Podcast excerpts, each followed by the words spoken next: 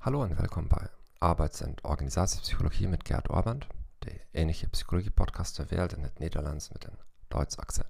In dieser Aflevering sollen wir es haben over Openheit vor Erfahrung. Folgendes hat Big Five Modell von Persönlichkeitskennmerken haben Individuen mit einem hohen Score auf Openheit die folgende Kennmerk.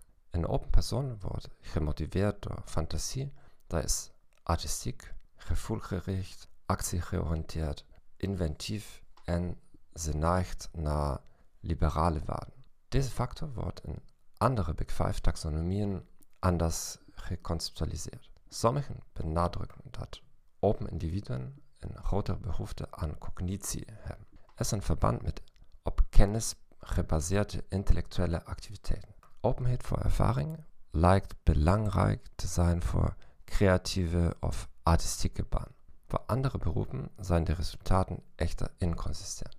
Deshalb Nitamin hilft Openheit voor ervaring, invloed op het trainingssucces. Ik dank u voor het luisteren naar podcast. Ik wens je een fijne dag en tot ziens.